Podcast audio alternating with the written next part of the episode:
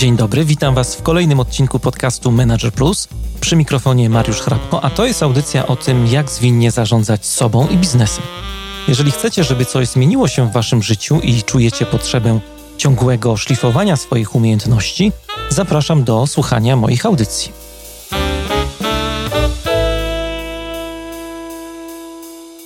Dzień dobry, dzień dobry. Witam Was w ten piękny wakacyjny czas. W Krakowie trochę pada deszczyk, ale mam nadzieję, że słońce niebawem wróci. Są wakacje. Pozdrawiam wszystkich urlopowiczów słuchających podcastu Manager Plus, bo dostaję bardzo miłe maile od słuchaczy, którzy na plaży gdzieś tam nasmarowani olejkami słuchają podcastu Manager Plus. Jeżeli Wam to tylko służy i odpoczywacie w jakikolwiek sposób przy tym, to czemu nie? Pozdrawiamy wszystkich urlopowiczów. Dzisiaj tak trochę w stresie małym nagrywam, dlatego że u sąsiadów trwa remont i będziemy sobie musieli jakoś poradzić właśnie z młotem pneumatycznym. Mam nadzieję, że nie będzie go jakoś strasznie słychać, ale jest teraz najgorsza faza remontowa, bo walone są i skuwane ściany, więc dajcie trochę przyzwolenia podcastowi Manager Plus, bo warunki są jakie są. A dzisiaj przygotowałem dla Was taki temat, który jakiś czas temu przerabialiśmy z naszymi liderami w Agile Leadership Tribe, w naszej platformie online'owej, platformie edukacyjnej. Niebawem rusza kolejna edycja w sierpniu, więc pomyślałem sobie, że można też Wam przy okazji przybliżyć trochę, co my tam takiego mm, robimy, bo oprócz właśnie różnych materiałów, takich związanych z bazą wiedzy, artykułów, nagrań wideo. E, między innymi są takie tematy, które wspólnie przerabiamy i e, dotykają bardzo różnych obszarów właśnie życia liderów. No i dzisiaj zajmiemy się takim obszarem, który dotyczy tego wszystkiego, co w naszych liderskich siedzi głowach. Ja pamiętam e, kilka lat temu na krakowskich plantach była taka bardzo ciekawa plenerowa wystawa rysunków satyrycznych Sławomira Mrożka. Wystawa, która przykuła moją uwagę, bo to jest taki naturalny teren do, do biegania dla mnie. Mieszkam w pobliżu krakowskich plan, więc jak chcę szybko wyjść, się poruszać, to właśnie wpadam na krakowskie planty. No i wtedy to bieganie tak słabo mi szło, dlatego że się co chwilę zatrzymywałem gdzieś tam nad jakimś obrazkiem, zamyślałem. No i między innymi był taki obrazek, który jest ze mną do dzisiaj i pokazuję go zawsze kiedy mm, prowadzę jakieś warsztaty albo wiem, w pracy ze studentami, na przykład na studiach podyplomowych Agile Leadership, to też ten obrazek zawsze tam gdzieś się przewija, bo bardzo dużo mówi, jeśli chodzi o to, co jest najważniejsze w pracy.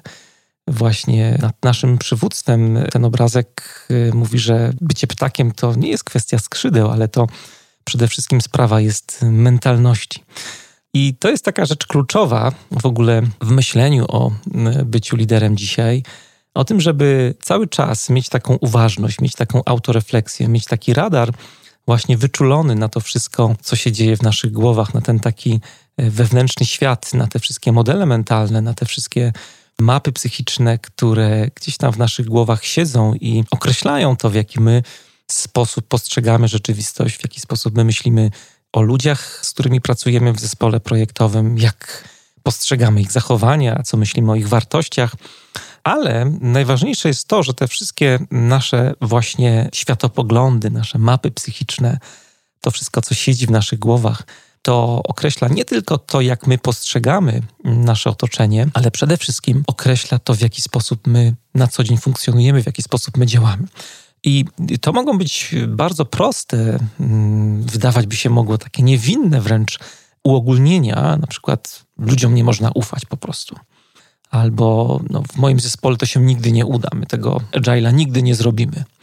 Często słyszę takie określenia, nie w tej firmie, nie w tej organizacji, nie z tym zespołem i tak dalej, i tak dalej. No ale te teorie mogą być dosyć takie mm, złożone, jak na przykład jeżeli ja jako lider nie będę kontrolował zespołu, to na przykład stracę autorytet. Jak pracuję z liderami czasami i robimy e, takie ćwiczenie, gdzie badamy, czy tworzymy sobie taką mapę odporności lidera na zmianę, to bardzo często pojawiają się tego typu ukryte założenia, które właśnie określają to, w jaki sposób taki lider na co dzień zachowuje się w swoim e, zespole. Co jest ważne przy tych wszystkich mapach mentalnych, warto o tym powiedzieć, tutaj tak podkreślić grubym markerem, to to, że mm, te nasze mapy mentalne, one nigdy nie są uśpione. One posiadają taki dość mocny, użyję tutaj e, określenia ogrodniczego, taki mocny system korzenny. Pamiętam, moi rodzice mieli taką fazę na sadzenie modrzewi w ogrodzie. One pięknie wyrastały, ale e, był taki okres, że się zaczęły pojawiać różne burze, takie dość intensywne, i jeden po drugim ten modrzew właśnie się wywracał. Jeden ze speców właśnie z branży ogrodniczej mówił, że to dlatego, że właśnie modrzew to jest takie drzewo, które ma słaby system korzenny. W odróżnieniu od właśnie modrzewi, te modele mentalne mają bardzo mocny system korzenny. Te korzenie oplatają nasze myślenie, nasze działania, nasz sposób funkcjonowania.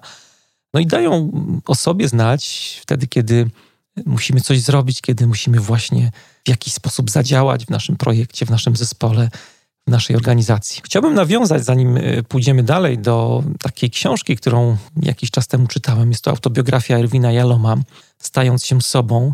E, Irwin Jalom jest emerytowanym profesorem psychiatrii, jest psychoterapeutą. Ja się nim zainteresowałem trochę ze względu na to, że e, jest też takim pionierem, tak się uważa, go właśnie za takiego pioniera psychoterapii grupowej. Ja od jakiegoś czasu mam takie bardzo mocne zainteresowania związane w ogóle z pracą grup psychoterapeutycznych, relacjami terapeuta-klient, bo bardzo dużo zacząłem dostrzegać tam analogii w pracy lidera w konkretnych autonomicznych zespołach. Jest mnóstwo e, takich mechanik, które w zasadzie z przełożeniem jeden do jeden działają i sprawdzają się w takich zespołach projektowych, w których e, mam okazję pracować e, właśnie z liderami.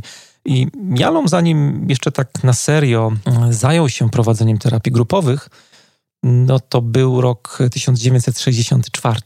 Tutaj znowu pojawia się data. Mówię wam, że ostatnio, że nie byłbym sobą, gdybym nie wrzucił jakiejś daty. I to było gdzieś tak mniej więcej kilka lat temu, po tym jak zaczął w ogóle pracować na Stanfordzie.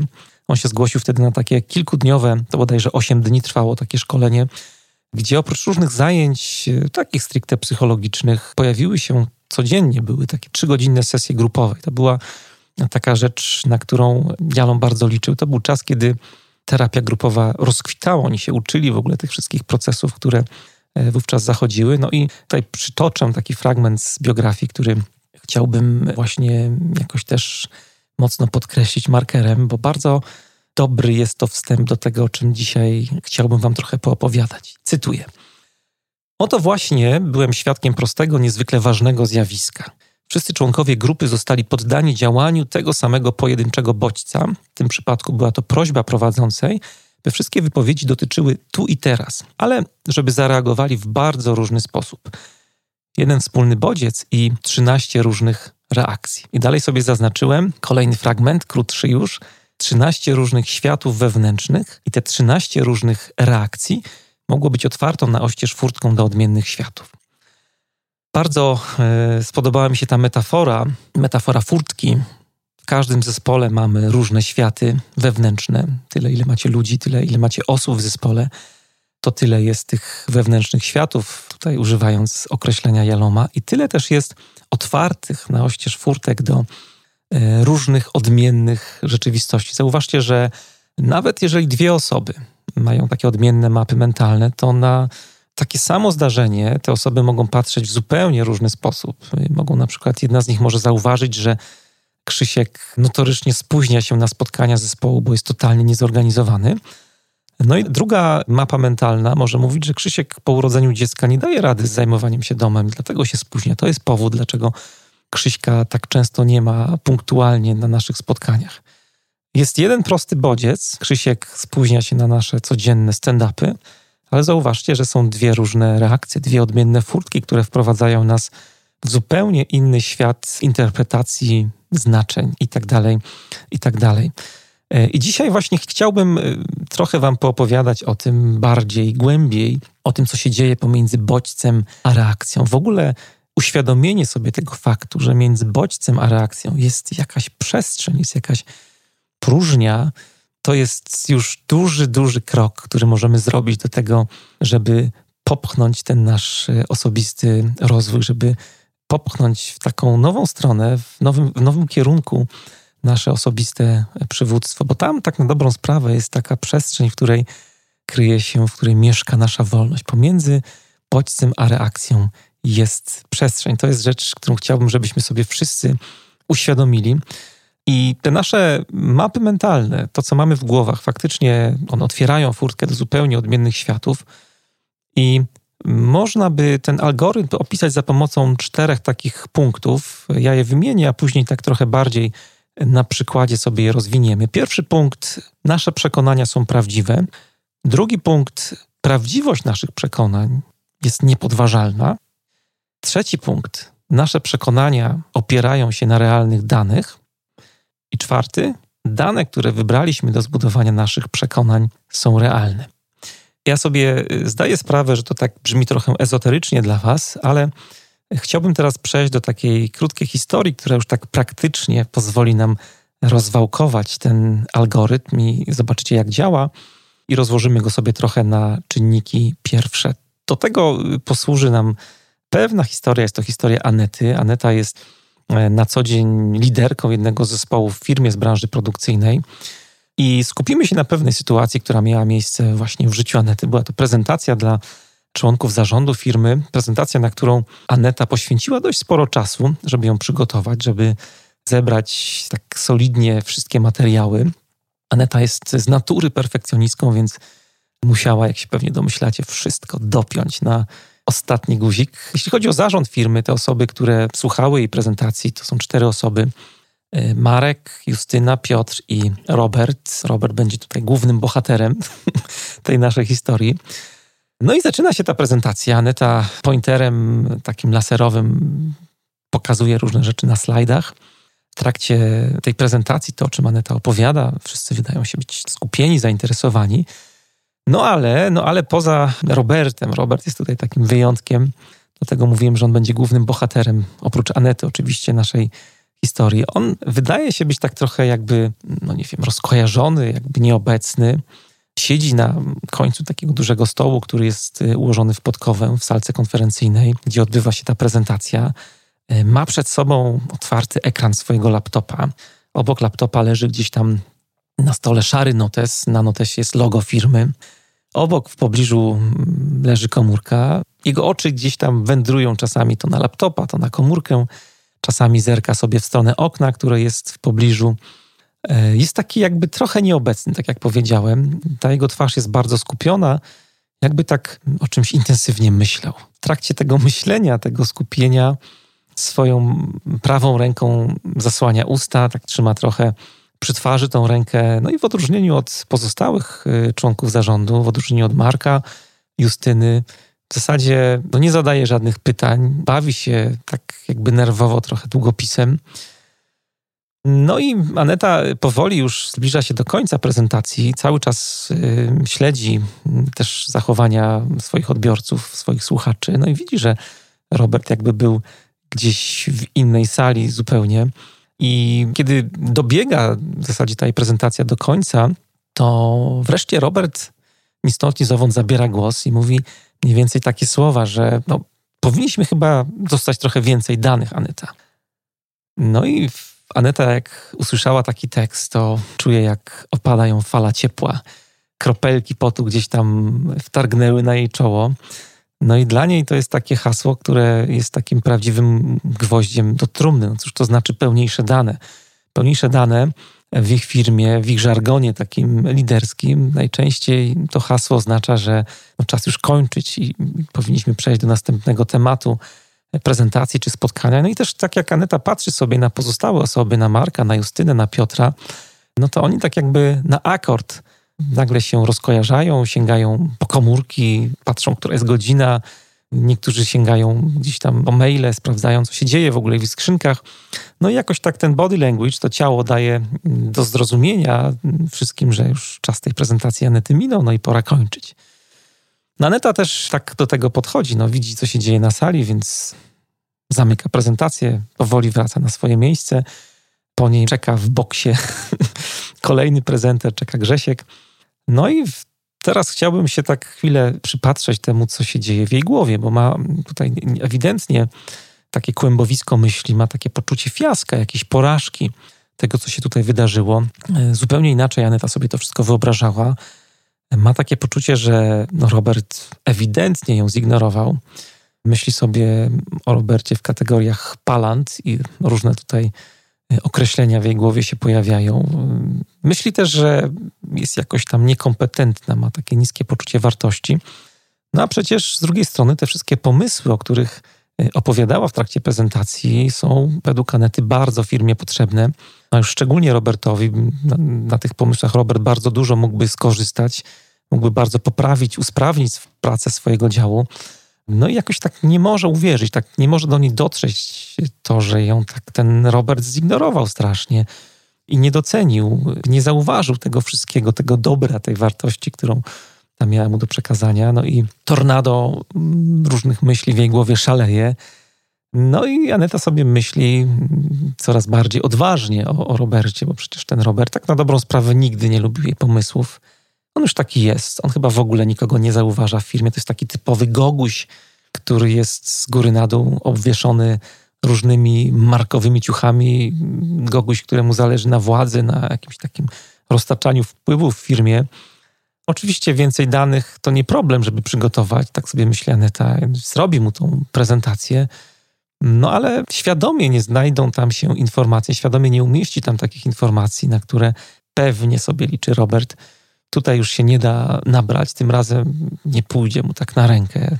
Tutaj próbuje odtworzyć jako taki wszechwiedzący narrator trochę to, co się dzieje w głowie Anety. Aneta jest jakoś tak mocno zdeterminowana, żeby tym razem nie Andrzejowi, tylko Robertowi nie przynieść na tacy gotowych rozwiązań, no bo on i tak je wykorzysta później koniec końców przeciwko niej, albo ich w ogóle nie przeczyta, bo przecież on w ogóle nie czyta raportów, które dostaje od ludzi i tak dalej, i tak dalej. Ma takie poczucie też takiego żalu, że ten jej wróg jest tak wysoko postawiony, no bo przecież Robert jest członkiem zarządu firmy, więc mieć wroga w zarządzie, no to jest straszna rzecz. Tyle narracji Próbowałem wam to tak w miarę krótko, szybko i klarownie opowiedzieć, tak żebyście poczuli atmosferę tego, co się działo w głowie Anety przede wszystkim. Bo to, co się działo w głowie Anety, przypomina trochę wchodzenie na drabinę, i każdy taki kolejny szczebel tej drabiny uruchamia pewien algorytm, który zwiększa tylko poziom abstrakcji danych, które Aneta w swojej głowie przetwarza, i koniec końców prowadzi do takich fałszywych przekonań. I teraz Chciałbym, żebyśmy sobie prześledzili właśnie wchodzenie na tą drabinę, co tu się działo, jakie procesy zachodziły. Pierwszy szczebel tej drabiny był taki dość oczywisty, bo dotyczył bardzo konkretnego faktu, który się przydarzył Anecie, z którym miała Aneta do czynienia. Tym faktem jest komentarz Roberta. Komentarz, który mówił, że powinniśmy otrzymać pełniejsze dane. No z faktami jest tak, jak wiecie, że trudno jest dyskutować z nimi, bo przypominają trochę takie nagranie kamerki. Jakbyśmy ustawili kamerkę właśnie w pokoju, gdzie odbywała się ta prezentacja, to te wszystkie zdarzenia, które zostały zarejestrowane, to są właśnie fakty, które się wydarzyły. No i ten pierwszy szczebel to jest właśnie poziom takich oczywistych faktów, a wchodząc na kolejne szczeble, Aneta wchodziła już na takie szczeble, które uruchamiały proces abstrakcji danych. Aneta już na tym drugim szczeblu, spośród wszystkich sygnałów, które gdzieś tam do jej głowy docierały, które płynęły z otoczenia, skupiła się na jednym. No Robert na mnie w ogóle nie patrzy, Robert mnie ignoruje. Można powiedzieć, że na tym poziomie Aneta też, jakby nie było, porusza się w obrębie faktów, no bo Robert gdzieś tam tym rozkojarzonym wzrokiem patrzył sobie w stronę okna na przykład, nie patrzył na Anetę. Jednak zauważcie, że Aneta nie zarejestrowała wszystkiego w tej swojej obserwacji czy analizie rzeczywistości spośród wszystkich sygnałów, z którymi miała do czynienia, e, wybiera ten jeden sygnał i temu jednemu sygnałowi nadaje właśnie już konkretne znaczenie. Bo nadawanie znaczenia to jest taki proces, który jest takim katalizatorem w ogóle abstrakcji danych, abstrahowania tego wszystkiego, co dociera do nas z rzeczywistości. No i tutaj tym samym Aneta wchodzi na kolejny szczebel drabiny. Nie dość, że Aneta nie skupiła się już na bardzo konkretnym takim zachowaniu Roberta, to jeszcze zaczęła go odpowiednio interpretować. Czas kończyć i przejść do następnego tematu, prawda? I ta interpretacja wynikała trochę z kultury organizacyjnej, która panuje w firmie Anety. No ale zauważcie, że ten proces nadawania znaczenia na tym się tutaj nie kończy. Bo Aneta w swojej głowie snuje kolejne myśli, które mówią, że no Robert jest wyraźnie przecież znudzony tym, co ma ona do zaprezentowania I to już jest kolejna interpretacja e, zachowania Roberta, tym razem już taka interpretacja bardziej osobista, i ta interpretacja prowadzi do kolejnych szczebli, bo mm, Aneta mm, bardzo szybko zakłada, że wcale Robert nie liczy się z jej zdaniem. No i tak trochę za wszelką cenę chce udowodnić, że ona jest takim niekompetentnym pracownikiem. To jest taki wniosek, który pojawia się w głowie Anecie, Anety. Ale no nie tylko to. Robert, y, i tutaj pojawia się y, takie niefajne przekonanie u Anety, że Robert jest też do niej wrogo nastawiony. Tutaj Aneta wspięła się tym samym na ostatni szczebel swojej mentalnej drabiny, szczebel, który już y, determinuje bardzo, bardzo konkretne działanie. Tym działaniem jest wysyłka niepełnych danych w raporcie. Ten proces, który właśnie Wam tak po żołniersku opisałem, określany jest często jako drabina wnioskowania i to pojęcie, ten termin ukuł Chris Argyris. To jest taki człowiek, na którego się natknąłem w książce Petera Zenge, Piąta dyscyplina. Peter Zenge bardzo często odnosi się do różnych myśli, koncepcji Chrisa Argyrisa, który zajmuje się myśleniem systemowym. I on właśnie ukuł całe to pojęcie, całą tą koncepcję, przedstawił ją i wykorzystał ją później Peter Zenge w swojej książce, a ja wam dzisiaj o niej opowiadam. Ta drabina wnioskowania opisuje pewne takie naturalne procesy, które zachodzą w naszych głowach i to jest, myślę, bardzo ważna rzecz, żeby sobie to uświadomić, że no my jako ludzie no nie jesteśmy w stanie żyć bez takiej umiejętności nadawania znaczenia temu, co widzimy, bez umiejętności wnioskowania na temat tego wszystkiego, co nas otacza. To jest po prostu nasza rzecz wrodzona, to jest taki nasz trochę, nasze naturalne uposażenie, naturalne uposażenie homo sapiens.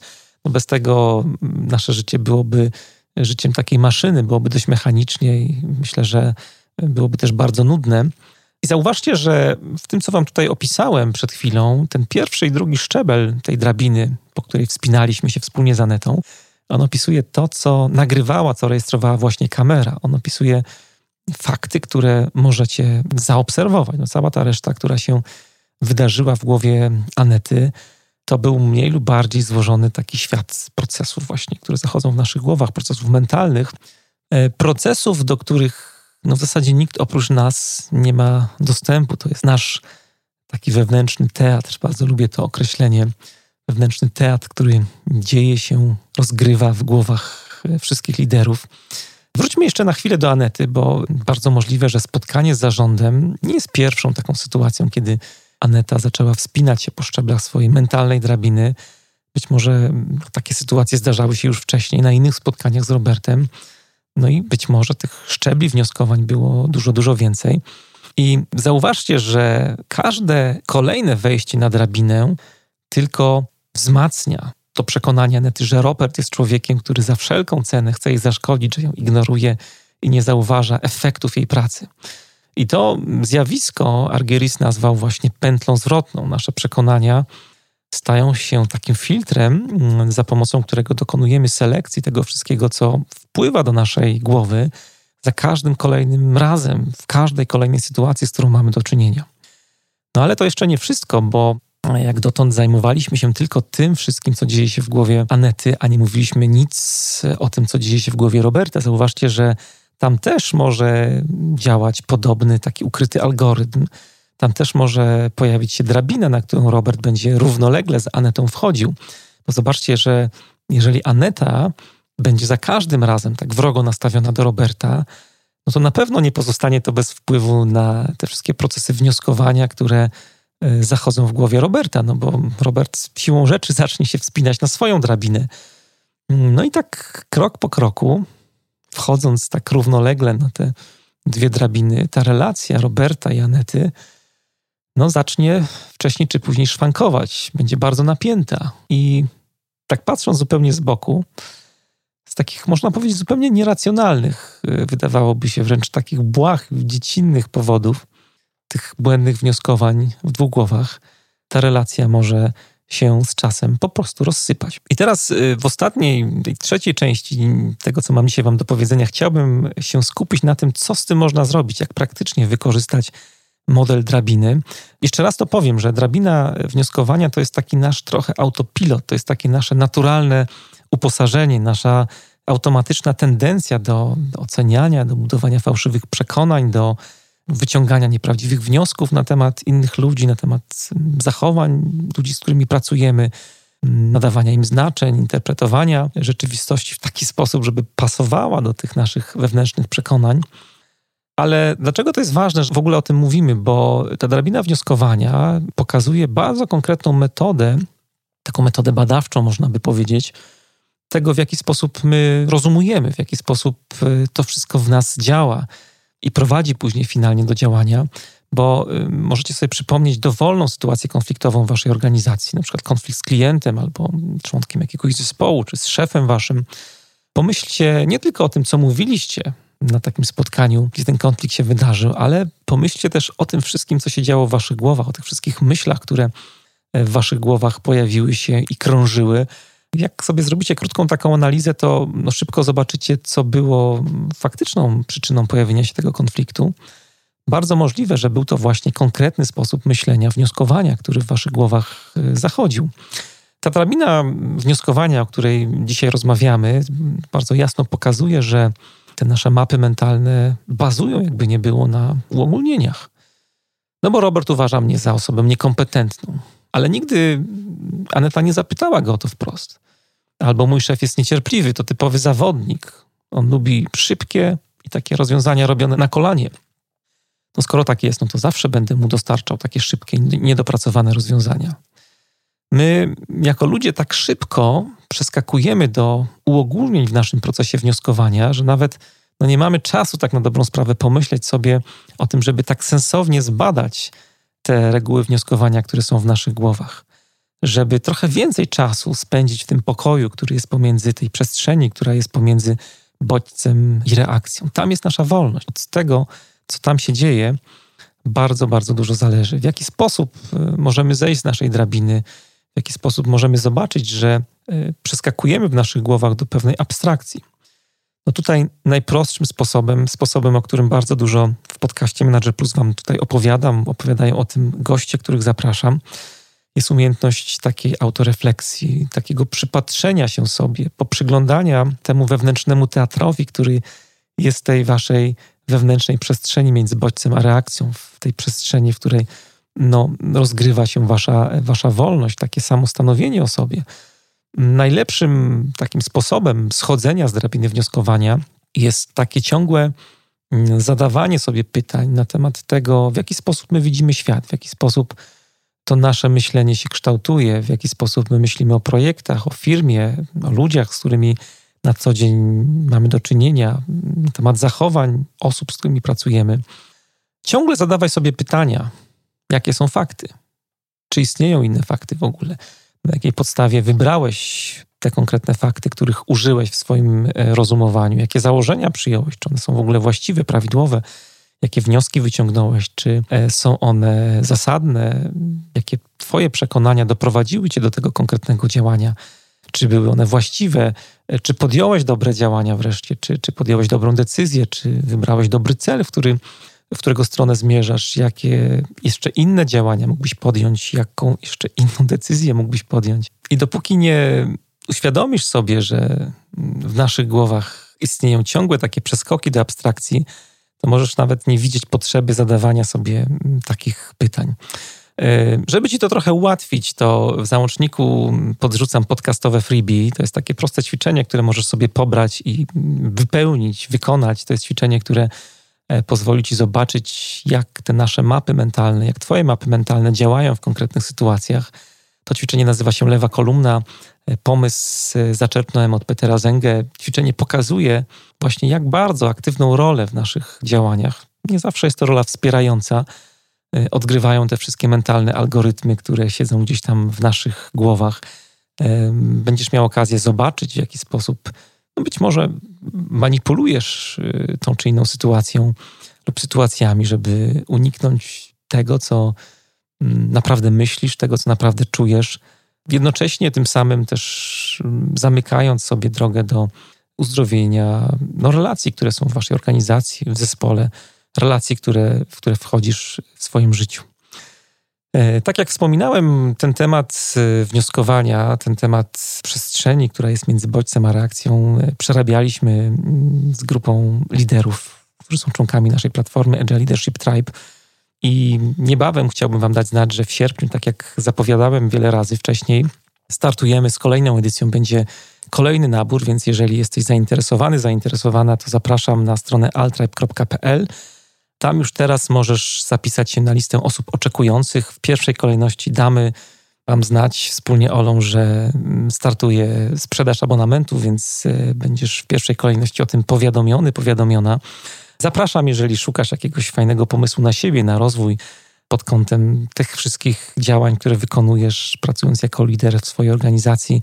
Dużo zmian w tej edycji sierpniowej Was czeka. Jedną z takich głównych zmian jest to, że zmienia się bardzo narzędzie, na którym będziemy pracować. Między innymi pojawi się aplikacja, którą będziesz mógł sobie pobrać na mm, smartfona, mm, na tablet. Aplikacja, dzięki której jeszcze bardziej nasi współplemieńcy będą mogli zarządzać altrajbowymi różnymi treściami, które się pojawiają, jeszcze bardziej będą mogli się ze sobą komunikować lepiej, e, szybciej. E, to duża rzecz. Mam nadzieję, że wszystko się uda i będziemy się cieszyć e, fajnymi relacjami ze sobą, które tam się pojawią. Bardzo Was zachęcam. Wszystkie szczegóły znajdziecie w linkach pod dzisiejszym odcinkiem. No i co? To już wszystko na dzisiaj. Bardzo Ci dziękuję za cierpliwość i wysłuchanie tego, co miałem do powiedzenia, że zostałeś do końca. Ja się nazywam Mariusz Hrabko. Trzymajcie się i do usłyszenia niebawem.